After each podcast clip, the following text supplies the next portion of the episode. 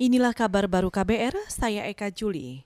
Saudara neraca perdagangan Indonesia defisit 350 juta dolar Amerika atau sekitar 5,2 triliun rupiah pada April 2020. Menurut Badan Pusat Statistik atau BPS, posisi ini berbanding terbalik dari Maret 2020 yang surplus 743 juta dolar Amerika atau 11 triliun rupiah. BPS mencatat defisit negara perdagangan Indonesia disebabkan beberapa harga komoditas dan ekspor yang turun.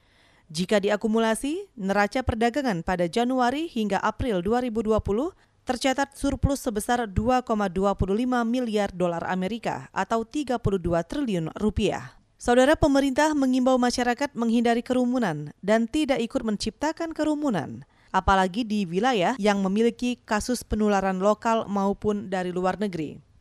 Juru bicara pemerintah untuk penanganan COVID-19 Ahmad Yuryanto beralasan kondisi seperti ini memungkinkan seseorang terinfeksi virus corona tanpa menunjukkan gejala. Kalaupun kita memiliki kepentingan di dalam satu tempat secara kolektif, maka sejak awal kita sudah menentukan jarak kontak fisik kita paling tidak lebih dari satu meter. Inilah yang dimaksud dengan tekad bersama untuk secara kolektif melaksanakan PSBB. Juru bicara pemerintah untuk penanganan COVID-19 Ahmad Yuryanto mengingatkan masyarakat untuk berhati-hati dan menjaga jarak, mencuci tangan dengan sabun di air mengalir, serta menggunakan masker.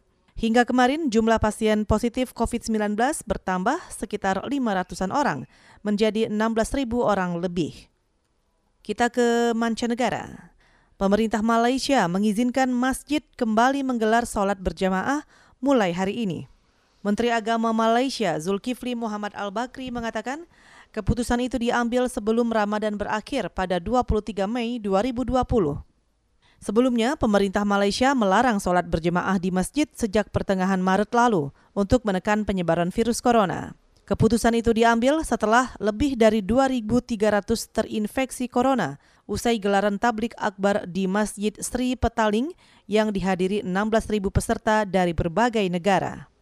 Negara bagian yang akan menerapkan kebijakan itu adalah Kuala Lumpur dengan syarat sholat berjamaah diikuti maksimal 30 orang di masjid.